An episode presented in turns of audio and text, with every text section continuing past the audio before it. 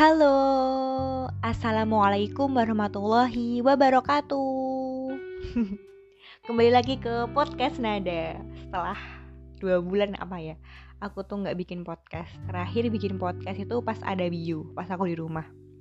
Oke, nah sebelum itu kan aku tuh bikin uh, kayak polling gitu ya Polling sederhana di IG storyku Tentang uh, pilihan ada dua pilihan. Mau podcast tentang profesi cerita tentang profesi atau tentang cerita ten tentang cinta. Oke okay. terus ternyata hasil pollingnya itu yang paling banyak itu adalah cerita tentang cinta. Oke. Okay. nah habis itu aku berkontemplasi dengan diriku sendiri. Yang aku ceritain apa ya? Padahal aku tuh kayak ya flat flat aja cerita cintanya nggak se excited teman-temanku yang biasanya cerita sama aku gitu. Kayak ya udah biasa aja. Uh, tapi aku nanti mau ngasih insight sedikit tentang uh, cinta tersebut gitu. Nah kalau nanti aku udah uh, bertemu dengan seseorang yang sefrekuensi sama aku terus ya nerimo aku gitu uh, nanti aku akan cerita gimana aku bisa bertemu dengan dia. Nanti suatu saat kalau saat ini belum prioritas kalau itu Nah, kalau prioritas pilih ngomong prioritasku saat ini itu uh, pendidikan yang utama, yang kedua adalah mandiri dulu. Begitu ya, guys. Oke. Okay? Aku mau cerita tentang uh, kehidupanku di 2021 ini. Oke. Nah, di 2021 ini kan selain ikut profesi, yang utamaku itu tuh aku ikut karir class atau kelas karir gitu. Nah, bilangnya CC ya. CC itu adalah kelas karir di mana kamu itu uh, belajar tentang karir ya yang utama ya benar persiapan karir karena kayak belajar bikin CV yang baik wawancara pas kerja terus negosiasi gaji Nah, selain itu, kalian juga belajar nih, uh, ada yang jadinya ibu berdaya. Nah, ibu berdaya itu kayak misalnya, meskipun kamu di rumah itu masih bisa berdaya, guys. Ibu rumah tangga masih bisa uh, bangun bisnis, terus dia bisa bermanfaat sosial bisnis, kayak punya TPA atau yang pengajian, terus kayak uh, bisa memberdayakan tetangga-tetangganya kayak ibu-ibunya tuh bisa diajarin keterampilan sehingga ibu-ibu di sekitar rumahnya itu bisa menghasilkan produk produk. Nah, produk tersebut bisa dijual sehingga nanti akan meningkatkan kualitas hidup gitu.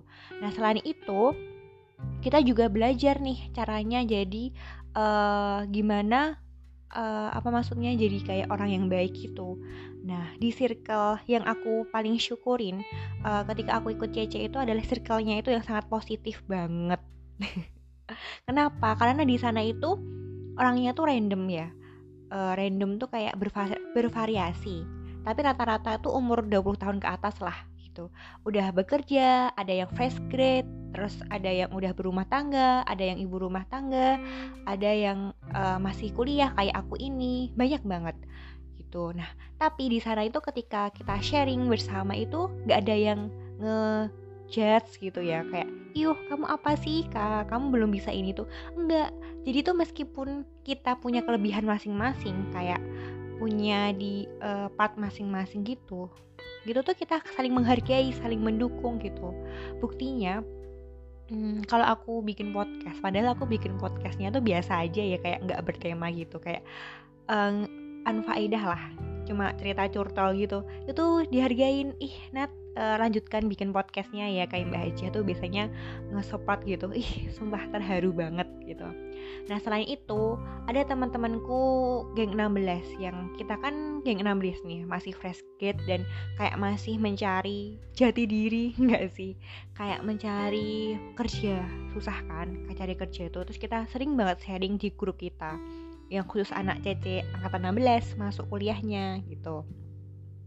Habis itu uh, selain itu kita tuh belajar banyak banget. Kayak nggak se-expect itu kita bisa belajar materi tentang finansial plan. Nah jadi kayak melek banget finansial.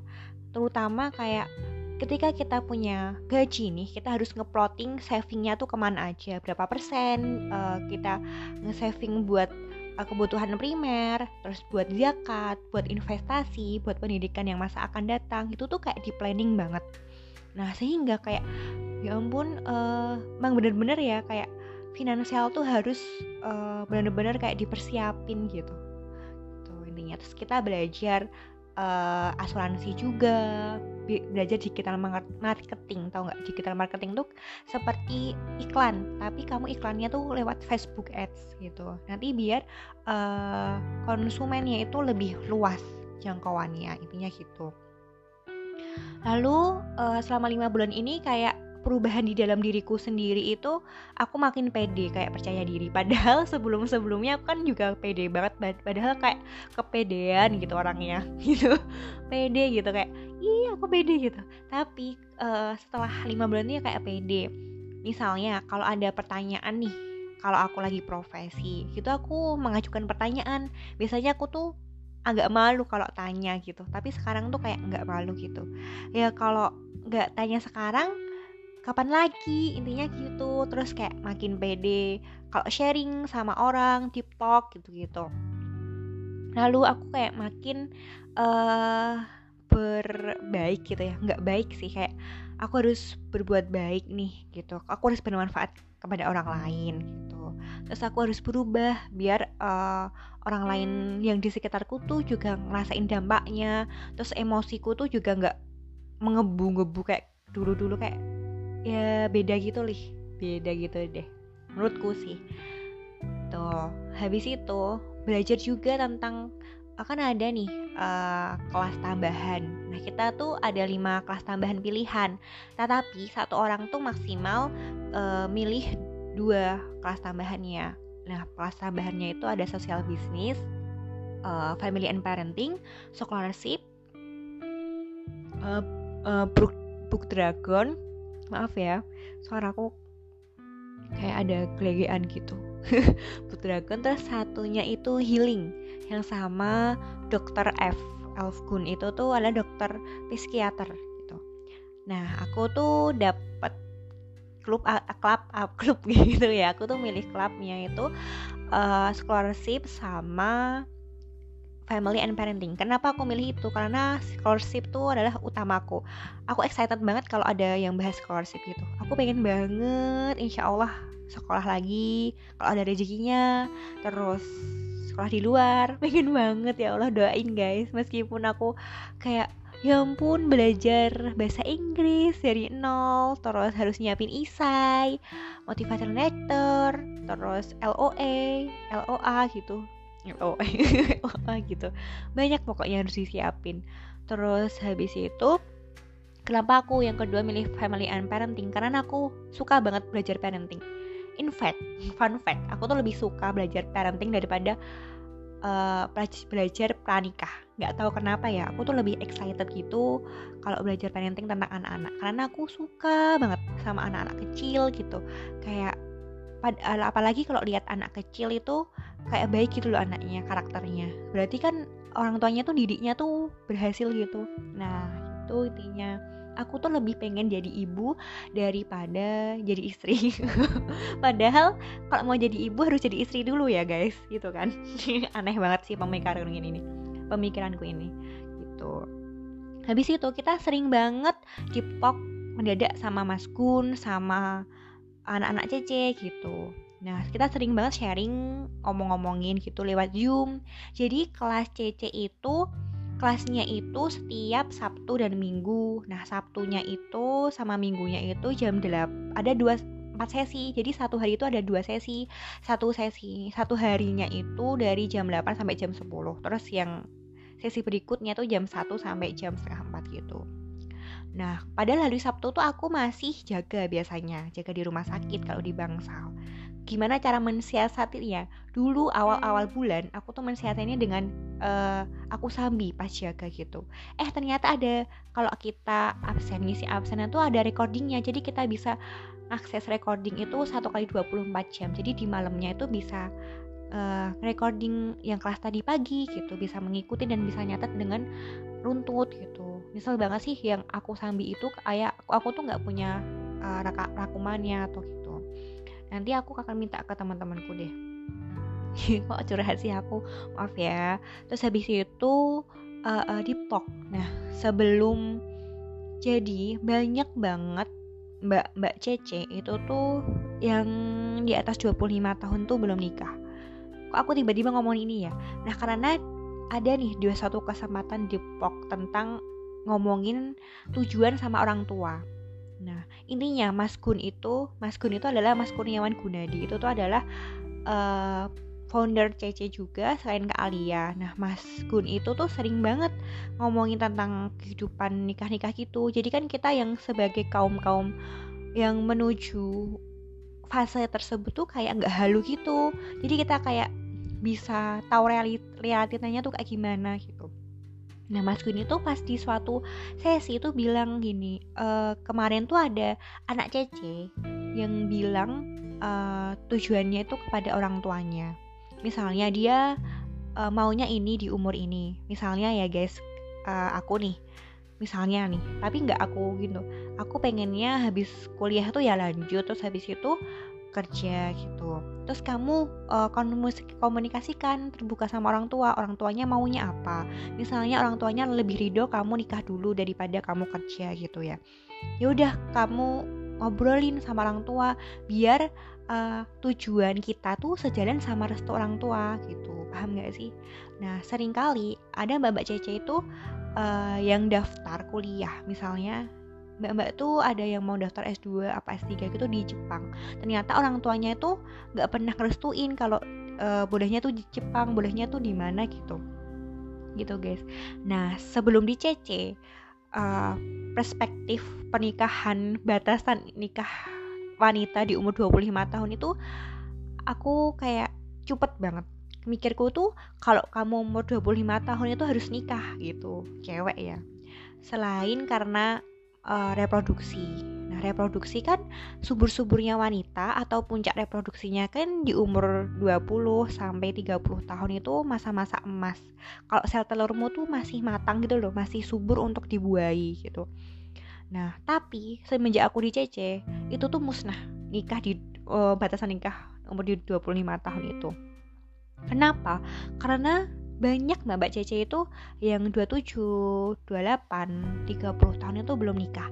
Tapi capaiannya tuh banyak. Misalnya, dia udah sekolah S2, dia udah jadi dosen, dia udah jadi peneliti, terus udah traveling ke mana pun.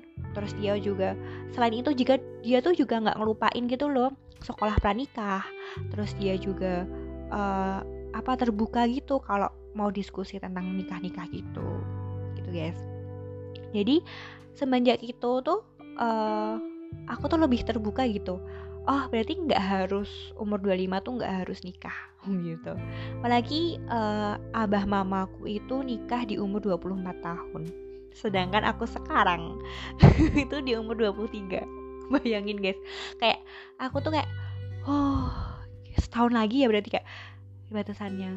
Tapi alhamdulillahnya orang tuaku itu dia nggak tanyain gitu loh eh kamu udah punya pacar belum Nat? Kamu udah punya calon enggak.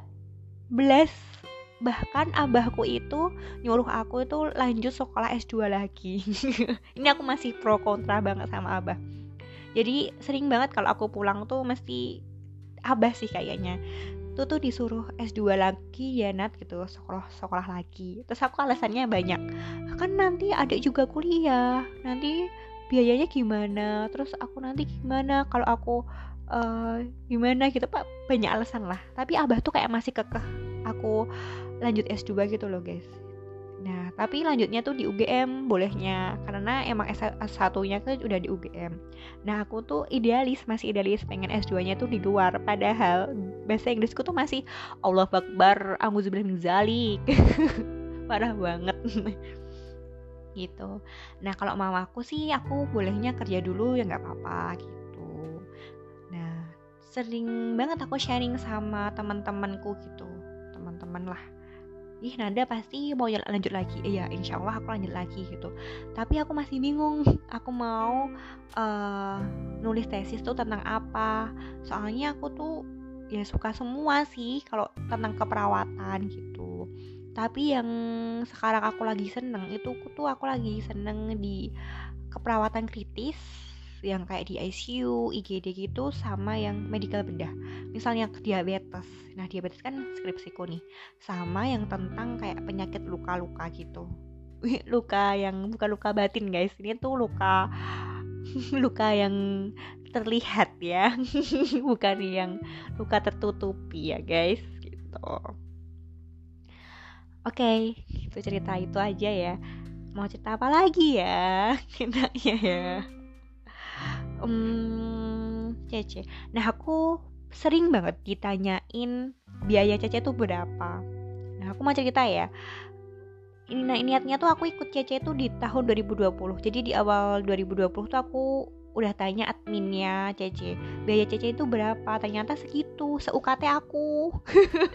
Yang di 2020 2020 kan ya mahal ya hitungannya. UKT ku itu ya segitulah. Gitu terus aku mikirnya eh mahal banget ya segini. Terus nanti dapat apa? Eh 2020 kan corona nih coronces jadi kayak lebih banyak di rumah dan lebih sering mantengin medsos gitu. Dan aku sering kali tiap hari tuh mantengin kelas-kelasnya CC yang kayak uh, kelas publik gitu gitu terus aku tertarik. Ih emang ya kayak kalau investasi ilmu itu emang mahal. Kamu harus modal ilmu modal niat modal fisik modal mental modal otak. Itu tuh harus kayak hmm, diprioritaskan banget di apa ya namanya itu uh, dimaksimalin gitu ya intinya. Nah gitu terus ya ingat kan emang kalau kita lagi menuntut ilmu tuh pasti itu ada aja jalannya ke surga gitu. Ya kan karena menuntut ilmu tuh wajib dari uh, kamu lahir sampai kamu nanti meninggal gitu. Nah habis itu aku lihat-lihat nih uh, kan lumayan gabut sih 2020 itu sama uh, skripsian kan. Ya nggak ya nggak gabut sih soalnya uh, semester 8 tuh aku masih ada kuliah dan sampai sore gitu masih ada kayak CCNS itu kayak materi 4 tahun dijadiin satu biar kamu tuh lolos untuk lanjut ke profesi itu ada gitu. Habis itu aku ikut habis aku wisuda ya Agustus nggak wisuda ya, ambil ijazah ngomongnya S1 di Agustus itu kan September itu pembukaan yang 2021 terus aku ikut seleksinya. Jadi diseleksi dulu guys. Anak CC 2020 anak CC itu nggak sembarangan yang bisa masuk. Yang terseleksi itu cuma 40% dari yang semua daftar di awal gitu. Jadi kita diseleksi diwawancari sama Kak Alia gitu. Uh, terus ditanya dikasih biayanya tuh berapa. Nah habis itu aku kayak berdoa gitu ih nanti ada rezekinya enggak ya? gitu. Terus aku bilang sama abah uh, chat gitu sih. Soalnya pas itu aku lagi di Jogja ngechat aku lagi ikut CC terus aku ngechat panjang lebar ini nanti tuh belajar apa aja? gitu. Terus tahu-tahu abah bilang gini berapa? Besok tak transfer. Ya ampun gitu toh. Ya udah aku bilang segini bah gitu. Terus transfer beneran. Ya allah alhamdulillah banget. Aku tuh sungguh privilege privilege ya dia enggak sih. Kayak aku tuh beruntung punya orang tua. Aduh mau nangis. Punya orang tua abah sama mama ya. Karena apa? Karena aku tuh kayak didukung gitu loh kalau soal ilmu tuh kayak diutamakan gitu. Contohnya ya uh, aduh kak aku terharu. Dulu karena aku tuh hidupnya di desa dan jauh dari sekolah yang berkualitas. Jadi kalau mau sekolah di yang berkualitas tuh harus di tetangga kabupaten di Boyolali. Itu kayak agak jauh sih dari rumahku. Gitu. Nah dari TK itu aku udah disekolahin di Boyolali. Nah di sekolah yang bagus gitu. Main bagus sih menurutku. Saya menurut keluargaku tuh TK Perwanida gitu. Meskipun rata-rata di desaku tuh ya ya sekolahnya sampai SMK aja. Jadi yang uh, lanjut S1 atau sarjana tuh uh, dua aku menangis cuma bisa dihitung dengan jari. Jadi ya sudah bisa dibayangkan betapa uh, lingkungan di rumahku tuh kayak gimana pendidikannya ya. Kalau harmonis kalau uh, guyup rukun tuh bagus banget di desaku. Tapi kalau untuk pendidikan tuh kayak udahlah gitu. Dan rata-rata kalau uh, sebadaanku atau seumuranku tuh SMK terus habis itu kerja kontrak kayak di Karawang kalau kerja di butuh gitu-gitu kayak di pabrik gitu. Iya tapi aku salut sih sama tetangga-tetanggaku yang cowok-cowok gitu. Meskipun dia itu emang dari keluarga yang uh, tidak mampu terus dia mampu kayak kerja di luar kota misalnya di ibu kota gitu tuh pulang-pulang tuh kayak bangun rumah buat beri rumah buat orang tuanya terus kayak beli kambing beli sapi gitu-gitu sampai bisa kurban gitu. Tuh aku sulit banget sama uh, laki-laki yang pekerja keras. Kayak di, di desa aku itu banyak sih kayak seumuranku yang pekerja keras banget. Nah gitu. Nah aku kembali lagi ke orang tua aku. Nah abah mama tuh sangat mengutamakan ilmu. Gitu. Jadi kalau aku les kalau aku minta apa ya seminar gitu tuh langsung diiyain. Beda kalau aku minta sepatu atau minta HP atau yang tersiar gitu tuh kayak eh nanti nanti gitu. Bener. Aku harus nabung dulu kalau uh, barang-barang yang aku pengenin gitu. In fact guys. Aku beli make up jadi aku tahu make up tuh setelah aku sidang. Itu tuh aku beli dari hasil uh, ngeasisten misi jadi aku dapat duit jadi asistensi tutor agama. Nah, di semester 8 itu sambil aku ambil data skripsi. Nah, aku ambil pertama tuh aku ambil data skripsinya di PKU Muhammadiyah Jogja di kota yang dekat Malioboro itu. Nah, aku tuh selalu nyuri-nyuri waktu kalau ada risket atau ada jam kosong gitu langsung cus ke sana. Padahal jarak dari UGM ke uh, eh, PKU Muhammadiyah tuh mayan jauh ya. Ya nggak jauh sih mayan gitu. Ya bikin hitam gitu. Tapi aku sering aku tuh takutnya uh, kalau nggak bisa ujian blok. Kenapa? Karena absensi kelas masuk kelas tuh minimal tuh 75% nah disiasati dengan ya gantian gitu yang masuk. Enggak ya titip sama Erma. Itu ya gimana demi uh, apa ya responden penelitiannya itu terpenuhi gitu. Dan akhirnya dapat deh 100 responden kalau nggak salah. Aku dapat eh nggak sih 100 itu di Sarjito uh, dapat kayak 150-an kalau nggak salah. Kalau di PKU itu cuma 60 apa 40 dan itu tuh nyarinya sulit gitu. Nah terus aku cerita apa sih tadi kok bisa skripsi nah terus habis itu aku juga nyambi jadi asisten tutor agama. Jadi aku nutorin adik-adik adik kelasku yang angkatan 17 jadi kan aku tuh angkatan 16 ya. Jadi satu tahun di bawahku gitu uh, ada lima pertemuan. Nah yang satu pertemuan tuh kayak membahas toharoh membahas sholat jenazah uh, membahas sholat sunnah gitu-gitu. Nah aku kan tuh ngasih materinya gitu. Seringnya kayak dikasih materi terus aku bikin sendiri materinya terus ngajarin ke mereka gitu padahal aku juga ilmunya masih cetek gitu. Tapi itu nggak tahu kenapa ya aku tuh merasa hidup gitu ketika aku merasa hidup kayak merasa berguna ketika ilmuku tuh berguna bagi orang lain. Aku tuh suka banget ngajarin orang lain gitu. Kayak suka banget sharing ilmu kepada orang lain. Meskipun aku ya ilmunya masih dikit banget cetek masih bocah banget ya aku tuh gitu. Nah itu tuh digaji sekitar 500 ribu. Banyak banget kan kalau menurut aku yang masih beban keluarga ini tuh 500 ribu tuh sangat banyak sekali. Nah, setelah itu aku beli make up. Jadi aku tuh belum berani beli yang macam-macam gitu kalau pakai orang-orang duit orang tua. Jadi beli make up uh, jadi pas di buketku yang aku sidang itu aku beli sendiri. Beli sendiri untuk diri sendiri. Ngaco banget ya beli eyeshadow, beli highlighter, terus beli foundation, beli powder gitu-gitu sih. Banyak kan.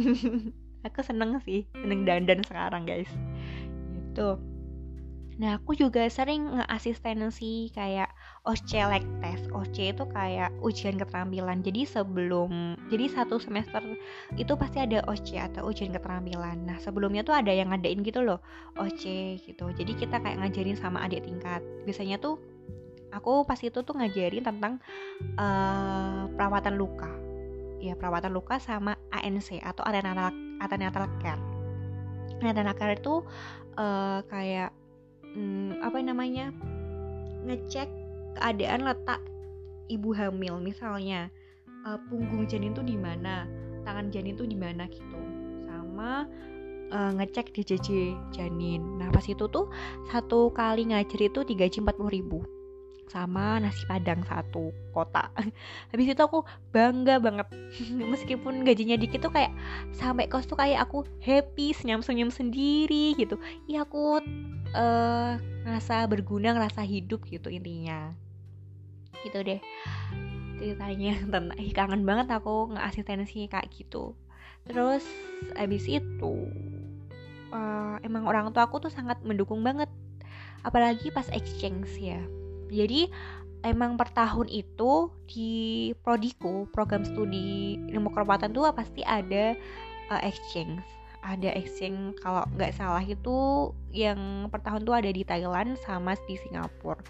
Nah aku tuh emang niat banget dari maba tuh pengen ikut exchange. Cuma iseng gitu ngomong ya aku pengen ikut exchange sih tahun 2016 terus setiap aku pulang atau dalam uh, kayak kondisi momen gitu ya kayak di mobil atau pas lagi pergi sama abah tuh pasti ditanya mbak udah daftar exchange belum? Gitu. Mbak jadi nggak daftar tukar pelajar gitu.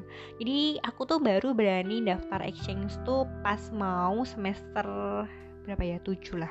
Udah tua kan? Padahal kita bisa daftar tuh dari semester lima gitu.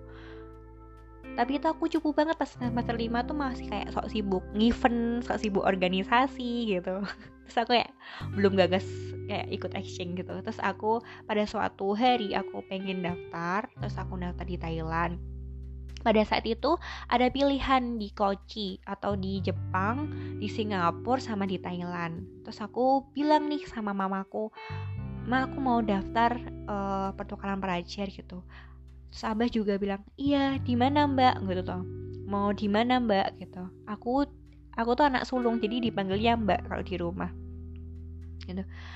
Uh, di mana mbak? Di Thailand aja ya gitu mama. Yang deket kan kamu belum pernah di luar negeri gitu. Oke terus aku daftar di Thailand. Dan alhamdulillah seleksi tuh ya guys. Seleksinya itu ada TOEFL terus motivation letter terus IPK juga harus di atas tiga.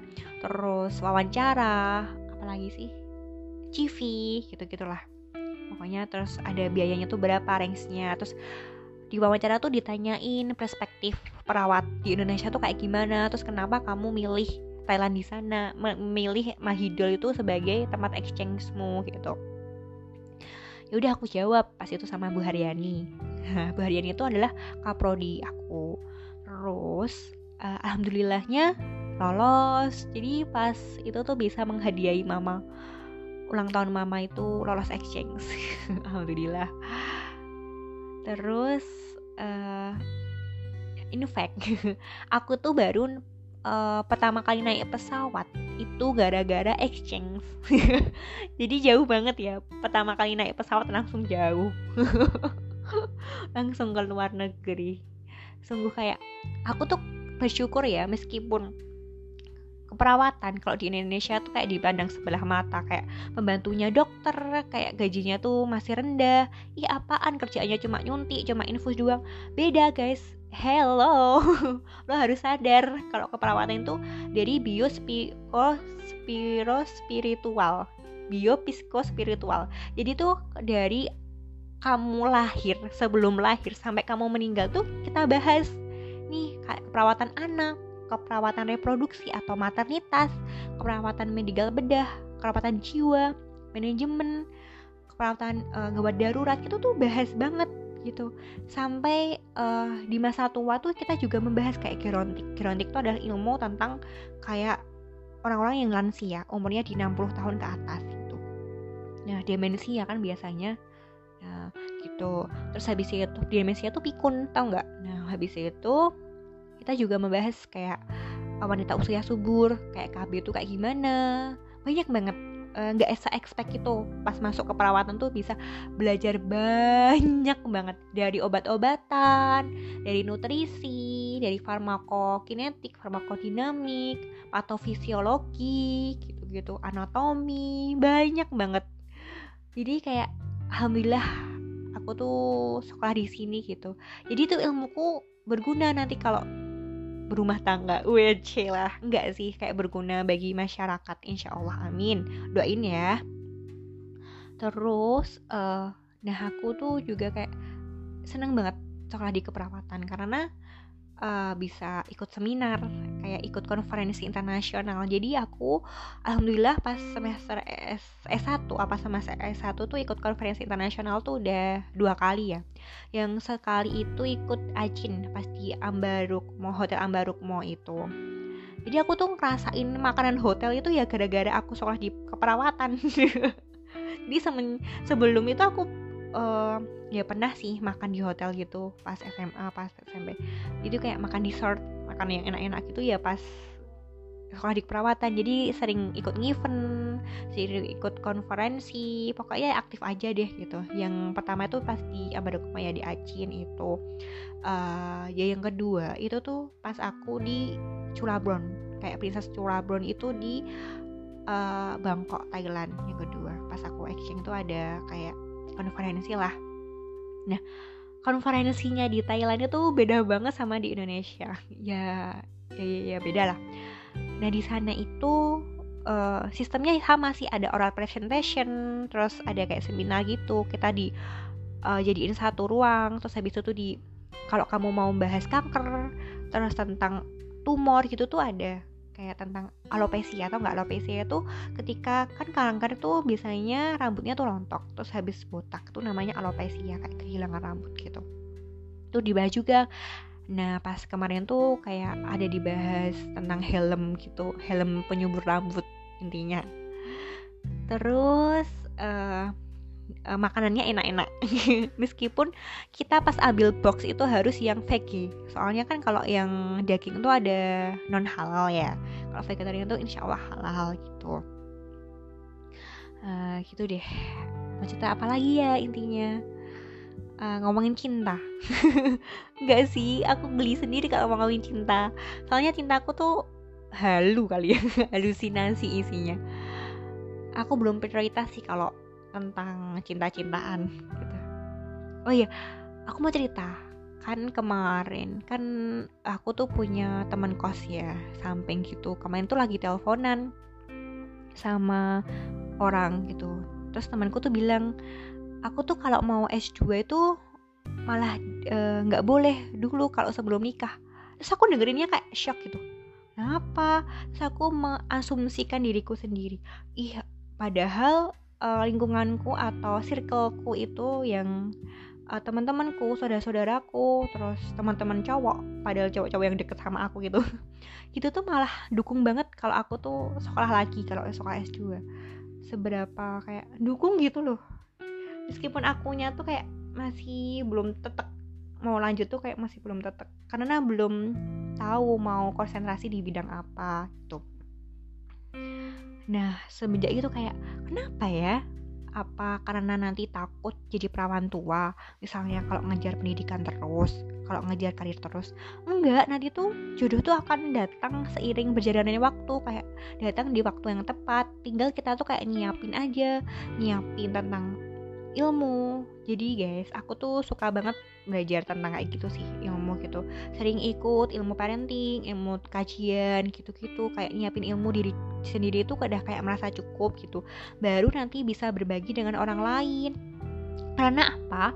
Karena tuh ya kehidupan tuh akan kompleks ya, setelah nanti menikah. Wong kita aja hidup diri sendiri kayak gini terpontang panting ya sering nangis kan kalau nggak kuat. Sering sambat gitu kan sering kayak aku ngerasa gimana ya nanti gitu. Sering kayak overthinking kan. Nah apalagi nanti kalau nikah makin banyak kebutuhan makin harus adaptasi. Soalnya kan dua kepala nih di latar belakangnya beda. Dibesarkan dengan keluarga yang beda dibesarkan dengan cara yang berbeda karakter yang berbeda tuh pasti ada timbul konflik.